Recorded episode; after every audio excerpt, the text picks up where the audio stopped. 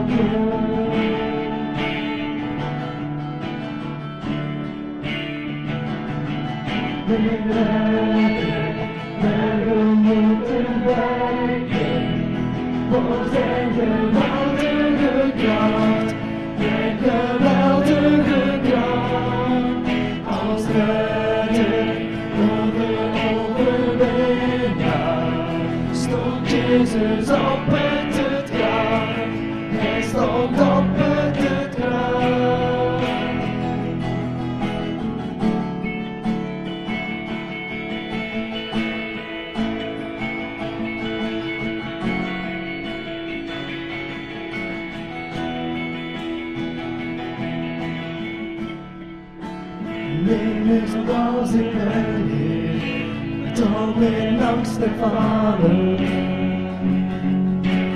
Vul mijn hart opnieuw, geef mij aan u over,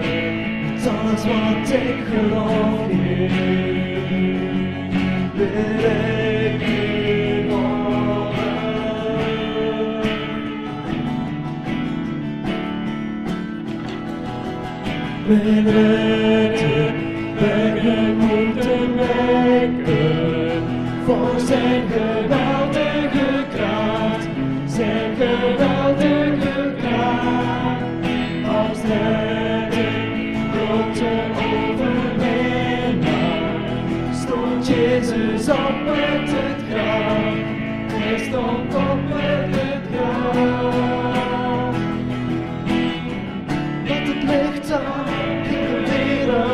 wereld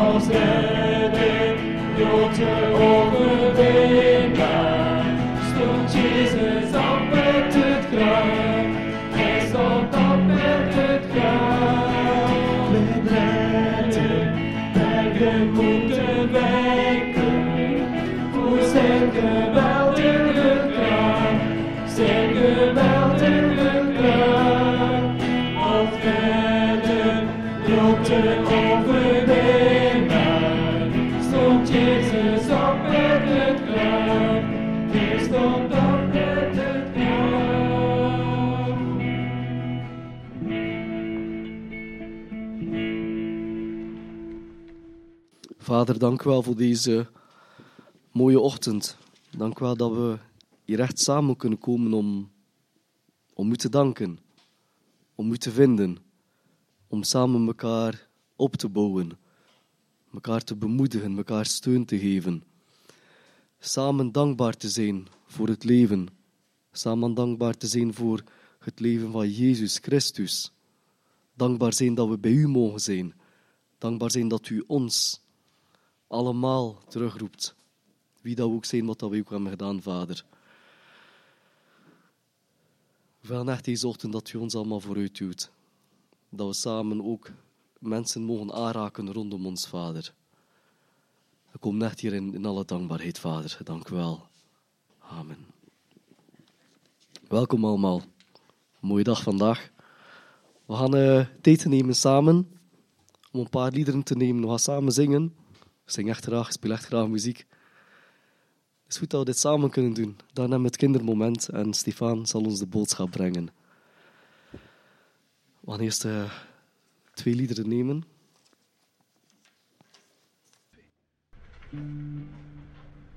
Eerst het volgende lied is Man van Smarten. We kunnen recht staan, dat is goed. Man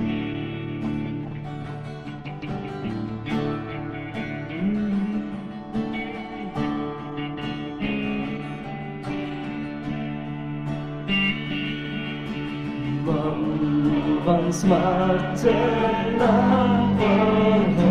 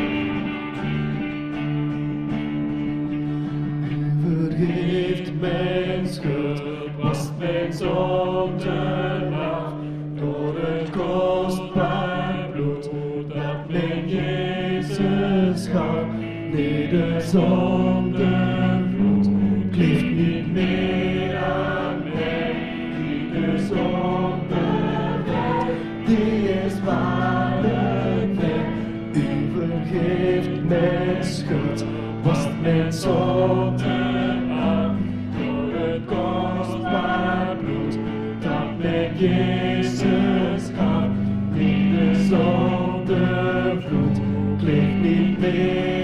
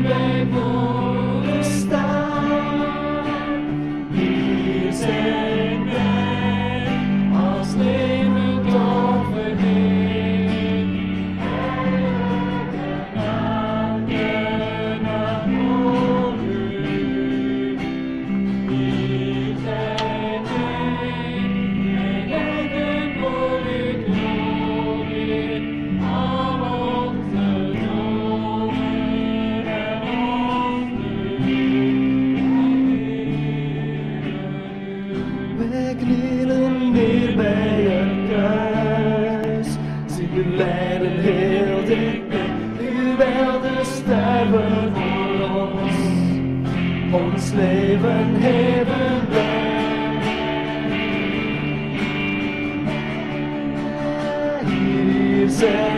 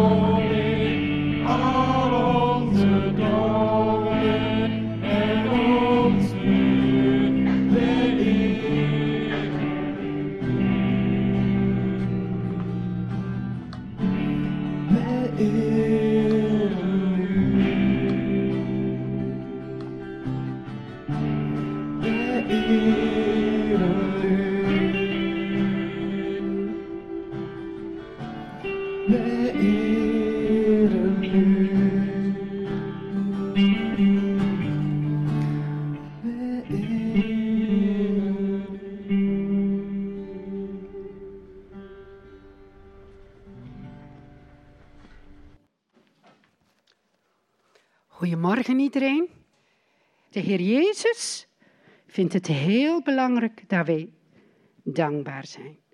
Ja? Gaan jullie dat goed onthouden als je morgens wakker wordt in jullie bed? Het eerste, het mooiste wat we kunnen doen, is eerst denken aan de Heer Jezus. En zeggen, Heer Jezus, dank u wel dat u er bent. Altijd. We zijn nooit alleen. Jezus is altijd bij ons.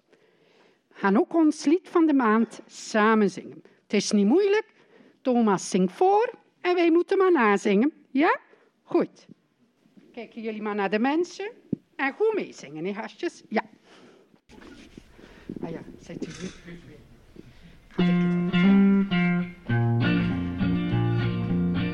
Yes, Jeroen, kijk maar naar de mensen.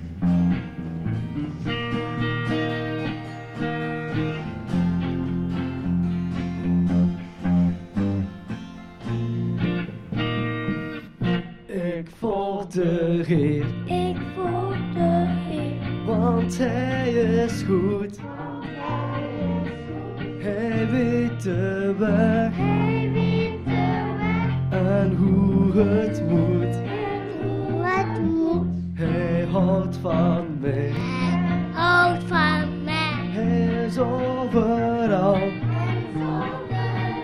de herder die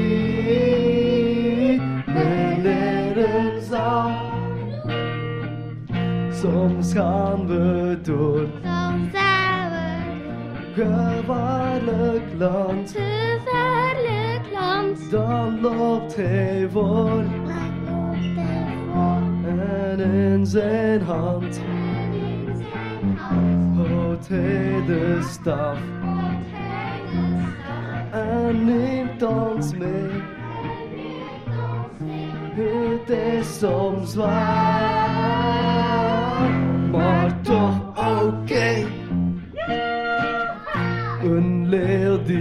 brult, een beer die komt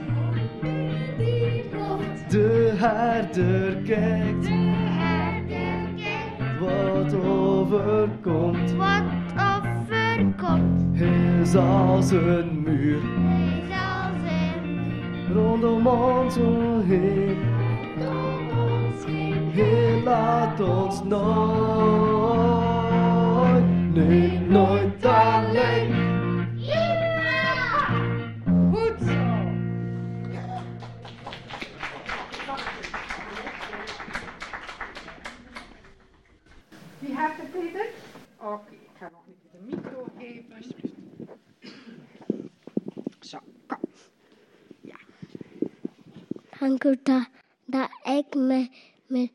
met, met, met mijn auto speelt. En dank u dat ik dat leuk vind. En dank, dank u dat ik met Lene speelt. Heb amen. Amen, maar zo mooi hoor. Goed, dus jullie mogen achteraan. Ja, oké, goed.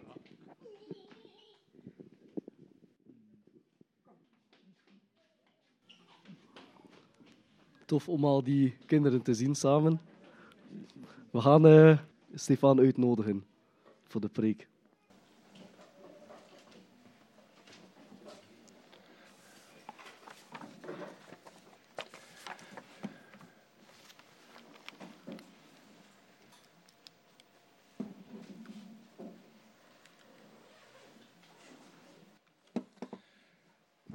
Goedemorgen iedereen. Ik was hier vorige zondag niet, dus voor degenen die ik nog niet gezien heb, een gelukkig, gezond en vooral een gezegend nieuwjaar toegewenst. En het is mijn verlangen dat de boodschap van vandaag er eentje is die jullie mogen bemoedigen en verkwikken, zodat je het nieuwe jaar kan ingaan met een hoopvol hart. Maar laten we eerst eh, de zegen vragen. Hemelse Vader, dank u wel dat we hier eh, opnieuw mogen samenkomen. Dank u wel, Heer. We zijn zo dankbaar om wat, wat u voor ons hebt gedaan. Ik wil u vragen, Heer, zoals we net gezongen hebben, doorwaai die thuis met uw geest, Heer. Vul die thuis met uw geest. Open de harten, Heer. Ik wil u zegen vragen over het woord van vandaag. Help mij daarin, Heer. Vraag u in Jezus' naam. Amen.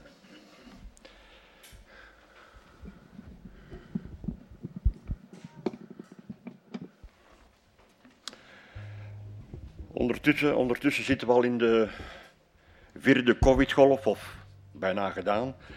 En de vijfde golf is al aan zijn opmars bezig. De coronastorm raast maar voort.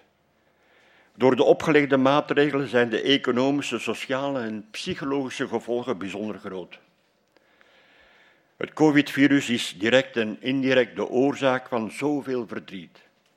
Eenzaamheid, stress, onrust, angst, woede.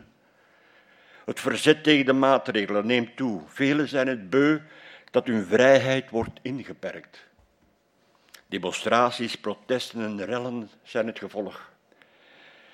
Al heb ik persoonlijk wel de indruk dat de rellen veelal veroorzaakt worden door mensen die maar één doel voor ogen hebben, en dat is de boel op stel te zetten. Met de voor hen nodige vernielzucht, en elke reden is daarvoor goed. Maar hoe moeten wij als christen reageren in deze onzekere en onrustige, onrustige periode? Moeten wij mee gaan demonstreren en protesteren, want ook wij zijn niet virus en zijn maatregelen grondig beu. Maar is de kerk niet geroepen om een heel ander geluid te laten horen? Moeten wij niet vol van Jezus zijn? Moeten wij niet juist in deze onzekere, donkere tijden het licht in de duisternis zijn? En de boodschap belichten. Jezus is tenslotte de enige hoop voor deze wereld. Hij voorziet in elke nood, hij ontfermt zich over eenzamen. Geeft troost waar verdriet is. Hij geneest gebroken harten, geeft hoop aan moedelozen en kracht aan de zwakken. En geeft rust in elke storm. Jezus heeft niet beloofd dat we nooit stormen zouden meemaken. Maar hij heeft wel beloofd dat hij in elke storm bij ons gaat zijn. Ook in deze COVID-storm. We leven nu eenmaal in een gebroken wereld waar we geregeld te maken krijgen met stormen. En dat zal zo blijven totdat Jezus terugkomt. En Jezus' wederkomst is onze grootste hoop en verlangen. Jullie kennen wel het gezegde, het gezegde, waar leven is, daar is hoop. Er is veel waarheid in dat gezegde, maar als christen zie ik meer waarheid in het tegenovergestelde. Waar hoop is, daar is leven. We zeggen ook wel eens, hoop doet leven. En die hoop doet ons ook realiseren dat wat er in ons leven ook gebeurt, alles valt onder zijn heerschappij. In Hebreeën 2 lezen we, alle dingen hebt u onder zijn voeten onderworpen. Nu zien we echter nog niet dat hem alle dingen onderworpen zijn, maar wij zien Jezus. Met heerlijkheid en eer gekroond, die voor korte tijd minder dan de engelen geworden was, vanwege het lijden van de dood, opdat hij door de genade van God voor allen de dood zou proeven. We mogen ons vasthouden aan deze vier prachtige woorden. Maar we zien Jezus. Het stormt, maar we zien Jezus. We leven in onzekere tijden, maar we zien Jezus. We maken ons zorgen, maar we zien Jezus. En vooral in de tijd dat we nu leven, moeten we onze ogen opheffen naar Jezus. Hij is onze vaste hoop. We hebben pas een uitzicht op een hoopvolle toekomst als wij erkennen dat Christus bloed daar op het kruis voor u en mij heeft gevloeid. Dat hij, zoals we net hebben gelezen, voor u en mij van de dood heeft geproefd. Deze hoop reikt dus verder dan dit leven. In 1 Corinthiërs lezen we Indien wij alleen voor dit leven onze hoop op Christus gebouwd hebben, zijn wij de beklagenswaardigste van alle mensen. Die levende hoop is dus niet een optie of een gezware waar we wel of niet voor kunnen kiezen. Het is een noodzakelijk onderdeel voor een volledig vervuld leven als christen. In Hebreeën lezen we deze hoop hebben wij als een anker voor de ziel, dat vast en onwrikbaar is en reikt tot in het binnenste heiligdom, achter het voorhangsel. Daar is de voorloper voor ons binnengegaan, namelijk Jezus. Beschouwt u deze hoop als een theologische waarheid? Het staat zo geschreven, dus het zal wel zo zijn. We zullen wel zien wat er van terechtkomt. Of is de betekenis ervan doorgedrongen tot in het topje van uw tenen? Beschouwt u deze hoop werkelijk als een anker voor uw ziel? Hebt u deze vaste hoop ten volle in uw hart verhankerd? Hoe komt de schrijver van de Hebreeënbrief eigenlijk aan dit beeld van het anker? Wel, in het tweede hoofdstuk gebruikt, gebruikt hij al scheepstermen als hij schrijft over het gevaar van af te drijven van het geloof. Het beeld van een schip dat door de storm wordt meegenomen naar ik weet niet waar. Afdrijven, dat gebeurt ook vandaag. Je komt terecht in het oevergewas van de twijfel of op de zandbank van het ongeloof. Soms haast ongemerkt. Hoe voorkom, hoe voorkom je dat een schip afdrijft? Je gooit een anker uit. Hoe voorkom, hoe voorkom je dat, je dat je geestelijk afdrijft? Weg van God en geloof. Door het anker van de hoop uit te gooien. Het anker is een onmisbaar onderdeel van een schip, omdat ieder schip zich bevindt in onstabiele, onzekere omgeving, namelijk water. In water bevindt zich niets waar het schip zich aan kan vastklampen. En daarom heeft een schip een anker nodig, dat in onstabiele water wordt neergelaten tot op de bodem. Als het anker van de boot door het water heen vastigheid, vastigheid heeft gevonden op de bodem, dan is de boot stabiel en veilig. Het water is een beeld van deze wereld. En het anker is de hoop waarmee we ons vasthechten aan Christus. Hebreeën zegt dat onze hoop in Christus een anker is voor onze ziel. We leven in een erg onbestendige, instabiele wereld, waarvan alles zomaar kan afbrokkelen en instorten. En het maakt niet uit hoeveel financiële of materiële zekerheid je hebt opgebouwd. Het maakt niet uit hoeveel verzekeringen je hebt afgesloten of hoeveel geld je op de bank hebt staan. Het feit is dat er geen enkele van die zaken een echte, duurzame veiligheid garandeert. Geen enkele. Er bestaat niets in deze tijdelijke wereld wat 100% permanent veilig en stabiel is. En waar we ons aan kunnen vasthouden. Alles wat we zien is tijdelijk. Het ene moment is het er, maar het volgende moment is het weg.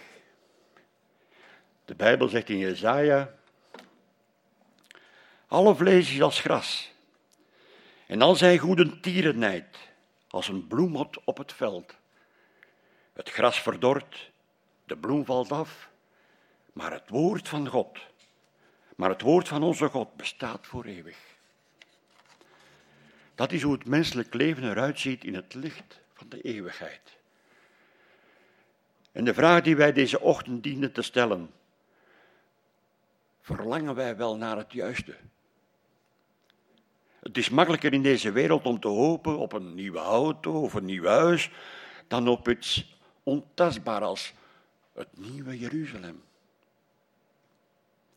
Daarom de vraag, hopen wij slechts voor dit leven of kijken wij verder? Er is niets erger dan elke zondag naar de kerk gaan, luisteren naar de boodschap uit Gods woord, zonder dat we de hoop hebben dat God daadwerkelijk alles kan en gaat veranderen. Zonder dat we de overtuiging hebben dat misschien vandaag al Jezus kan terugkomen. Houden we daar rekening mee?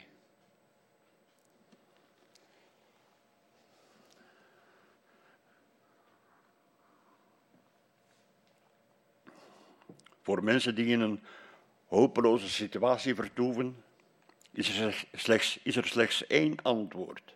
Jezus Christus. Hij is de oplossing en Hij is de gerechtigheid.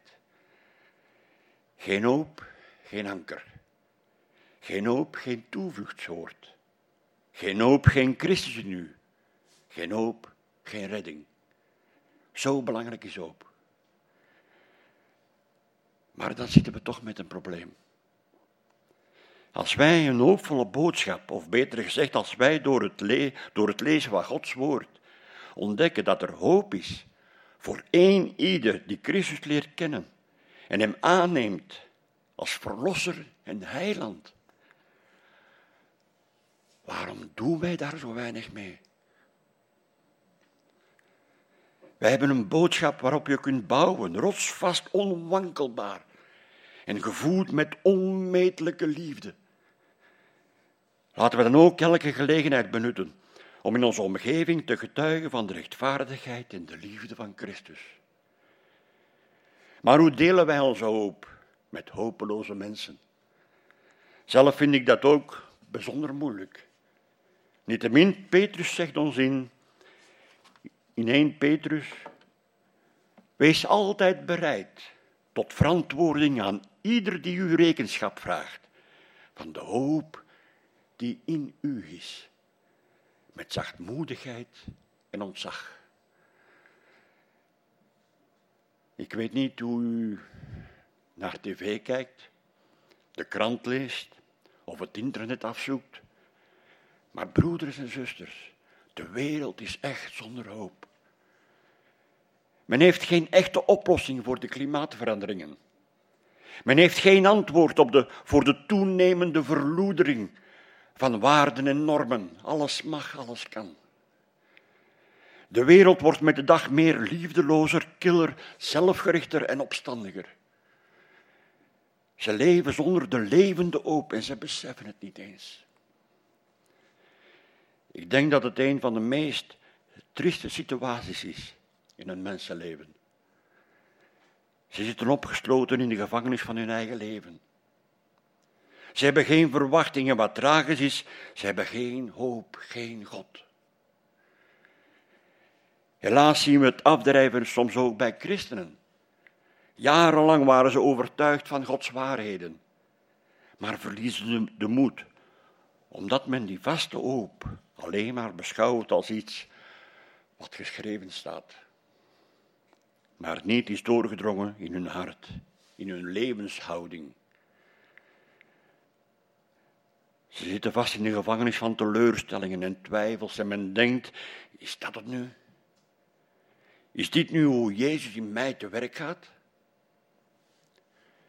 Waar is Hij als ik hem nodig heb? Ze zijn teleurgesteld in hun geloof. Laten we even de Emmausgangers erbij halen. U kent dat verhaal wel. Ook zij waren alle hoop verloren. Tijdens hun wandeltocht waren ze duidelijk diep teleurgesteld. Ze waren ervan overtuigd dat Jezus, die ze altijd trouw gevolgd hadden, dat die een leidende rol ging spelen bij de bevrijding van Israël. En hen zou verlossen van, de, Romeinse heerschappij. Maar door zijn kruisdood werd die hoop de kop ingedrukt. Ze werden hopeloos. Ze hadden niet door dat iemand die hen plots vergezelde de opgestane Christus was. En die zei, zo, zo lezen we in Lucas, wat zijn niet voor gesprekken die u al lopend met elkaar voert? En waarom ziet u er zo bedroefd uit? Vaak zijn we zo bezig met onze eigen ellende, onze eigen problemen, onze eigen zorgen, dat we niet doorhebben dat Christus nog altijd met ons is. Psalm 121. De Heer sluimert nog slaapt. Het is je vorige zondag ook al gezegd geweest, in het laatste vers van Matthäus. En zie, ik ben met u. Ik ben met u. Al de dagen tot de volleinding van de wereld. En daarom is die levende hoop in ons hart zo levensbelangrijk. Ze laat ons nu al zien dat we mogen over de grens kijken van dit aardse leven. We mogen nu al uitkijken naar de plaats waar we allemaal naar verlangen. De nieuwe hemel en de nieuwe aarde. Het nieuwe Jeruzalem. Daarom is het belangrijk te leven in de verwachting dat Christus zijn belofte waarmaakt. Er is simpelweg geen betere keuze. En het is juist die geloofshouding die nodig is om de boodschap van hoop en in Christus in onze omgeving bekend te maken. Wij hebben een hoopvolle boodschap. En we kunnen met vertrouwen bouwen op het vaste anker van hoop. Jezus Christus, die onze behouden thuiskomst heeft beloofd. Verwacht ons een belangrijke taak door vast te houden aan het Bijbelse woord. Niet alleen met onze mond, maar geleid door Gods geest in al ons doen en laten. Hoe? Johannes 13. Aan jullie liefde voor elkaar zal iedereen zien dat jullie mijn leerlingen zijn. Je levenswandel is het beste evangelie. Laten we niet bij de pakken neerzitten. Laten we vooral niet opgeven door de weerstand die er ongetwijfeld zal zijn. Maar neem de woorden van de psalmist die zegt in Psalm 31: Wees sterk en uw hart zij onversaagd. Gij allen die op de Heere hoopt. Terwijl wij onze weg banen door dit leven, moeten wij onze hoop compleet stellen op de genade en zegen die ons ten deel zal vallen door de terugkomst van Jezus in zijn heerlijkheid. Van zodra wij tot geloof komen, worden we wedergeboren in de geest. Met als directe gevolg dat de vaste hoop geleidelijk aan, aan kracht zal winnen, naarmate wij ook groeien in geloof. Deze hoop is het directe gevolg van het geloof in zijn dood, begrafenis en opstanding. En deze waarheid bevestigt Petrus in zijn eerste brief. Geprezen zij de God en Vader van onze Heere Jezus Christus, die ons overeenkomstig zijn grote barmhartigheid opnieuw geboren deed worden tot een levende hoop, door de opstanding van Jezus Christus uit de doden. Let op die erg belangrijke zin. Opnieuw geboren tot een levende hoop, door de opstanding van Jezus Christus uit de doden. Dat is niet gewoon wat dode theologie, maar een levende, zinderende hoop. Zonder de opstanding van Jezus zou het leven hopeloos zijn. Zonder de opstanding zouden wij hier nu, nu, niet samenkomen, in geen enkele kerk. Zonder de opstanding zou het christelijk geloof als een kaartenhuis ineenstorten. In het evangelie van Johannes zegt Jezus herhaaldelijk dat wie in hem gelooft, eeuwig leeft. En daarmee, daarmee bedoelde Jezus dat wij nu reeds door Hem ten volle leven. Dat onze toekomst na dit leven geen droombeeld is, maar realiteit. Het geloof en de hoop ligt in ons een fundament waarop we kunnen vertrouwen. Jezus spreekt over een toekomst over het graf heen. Hij beloofde bij zijn afscheid dat hij naar de Vader gaat en daar een plaats voor ons klaarmaakt. De, de uiteindelijke focus van alle werkelijke hoop is de wederkomst van Christus. In Titus lezen we. Want de zaligmakende genade van God is verschenen aan alle mensen en leert ons de goddeloosheid en de wereldse begeerten te verloochenen en in deze tegenwoordige wereld bezonnen, rechtvaardig en godvruchtig te leven.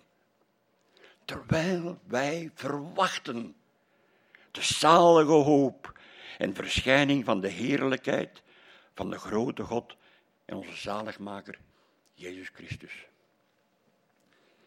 We zien dus dat de hoop van Jezus' verschijning, zijn wederkomst, ons moet, ons moet motiveren tot een godvruchtig leven.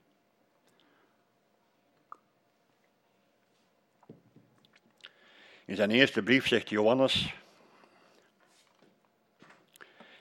en ieder die deze hoop op hem heeft, reinigt zich, zoals hij rein is. De hoop op Gods waarheid leidt dus tot zelfreiniging. Als we deze hoop echt als een anker voor onze ziel hebben, zal dat ook een geweldig effect moeten hebben op onze leefstijl. In feite zouden we, als we kijken naar mensen die zeggen dat ze deze hoop hebben, in hun levenswandel diezelfde getuigenis moeten kunnen terugvinden. Deze hoop maakt ons vrij van de gebondenheid aan tijd. We zijn niet langer slaaf van die schaarse levensjaren die ons gegeven zijn, omdat deze slechts een periode van voorbereiding zijn op de eeuwigheid. Als iemand u zou vragen of u deze levende hoop in u hebt? Wat zou dan uw antwoord zijn? Spreekt de manier waarop u door het leven wandelt van een ja of een nee? Voelt u zich beperkt in tijd of kijkt u voorbij de tijd naar de eeuwigheid? Samen met de hoop komt er een troost die de tijd overstijgt. Eeuwige hoop tilt ons uit boven de grenzen van deze tijd en plaatst ons op een ander eeuwig niveau van leven. Omdat we deze hoop hebben, kunnen we op deze aarde wandelen als overwinnaars. We zijn bevrijd door de levende hoop, ons geschonken door Gods liefde en genade. Hoop is dus niet maar een haanangsel bij onze redding. Het is een essentieel, onmisbaar onderdeel ervan. Herkent u die hoop in uw leven? Hoopt u op wat God heeft beloofd? Hebt u een doel om voor te leven? Iets om naar uit te zien, aan vast te houden als het moeilijk hebt. Hebt u dat? Anders bent u als een schip dat rondvaart zonder anker.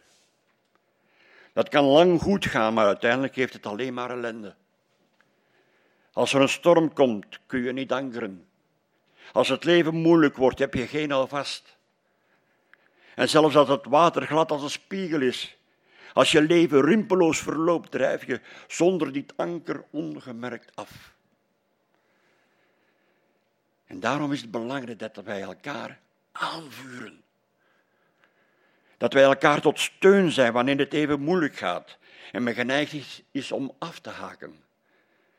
Om het anker los te laten. Vooral nu in deze coronaperiode van isolement en beperkingen.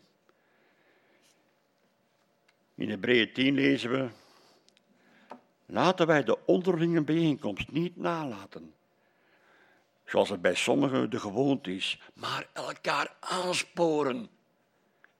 En dat zoveel te meer als u de grote dag ziet naderen.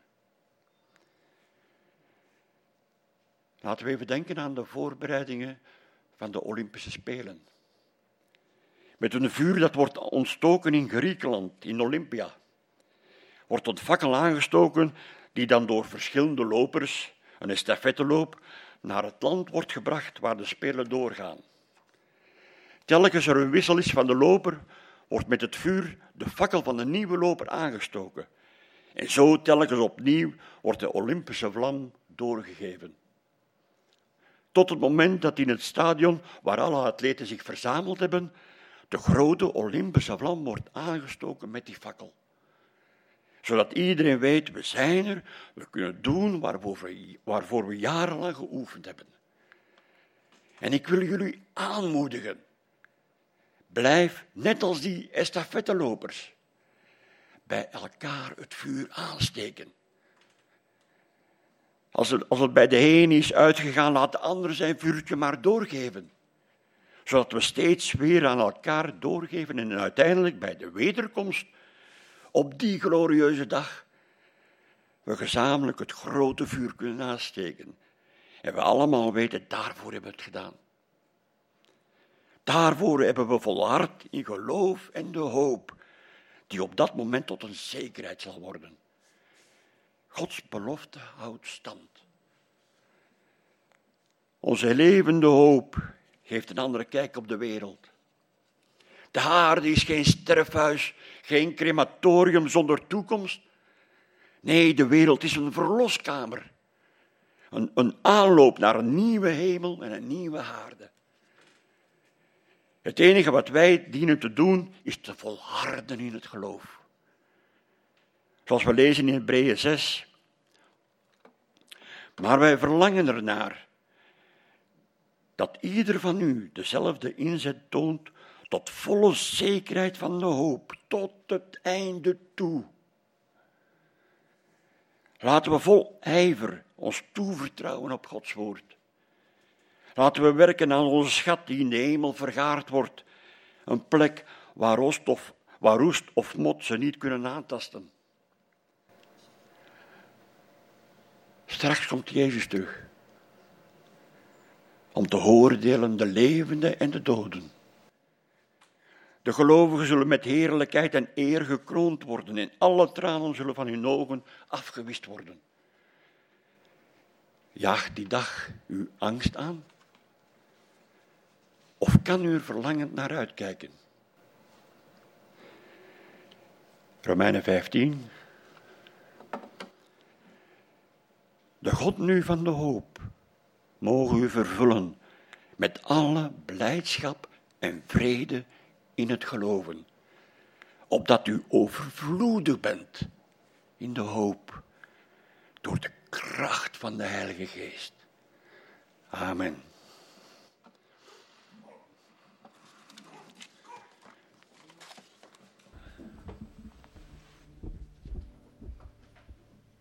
Aansluitend op de boodschap gaan we lied nemen op die dag. En dan gaan we het avondmaal eh, samen eh, herdenken.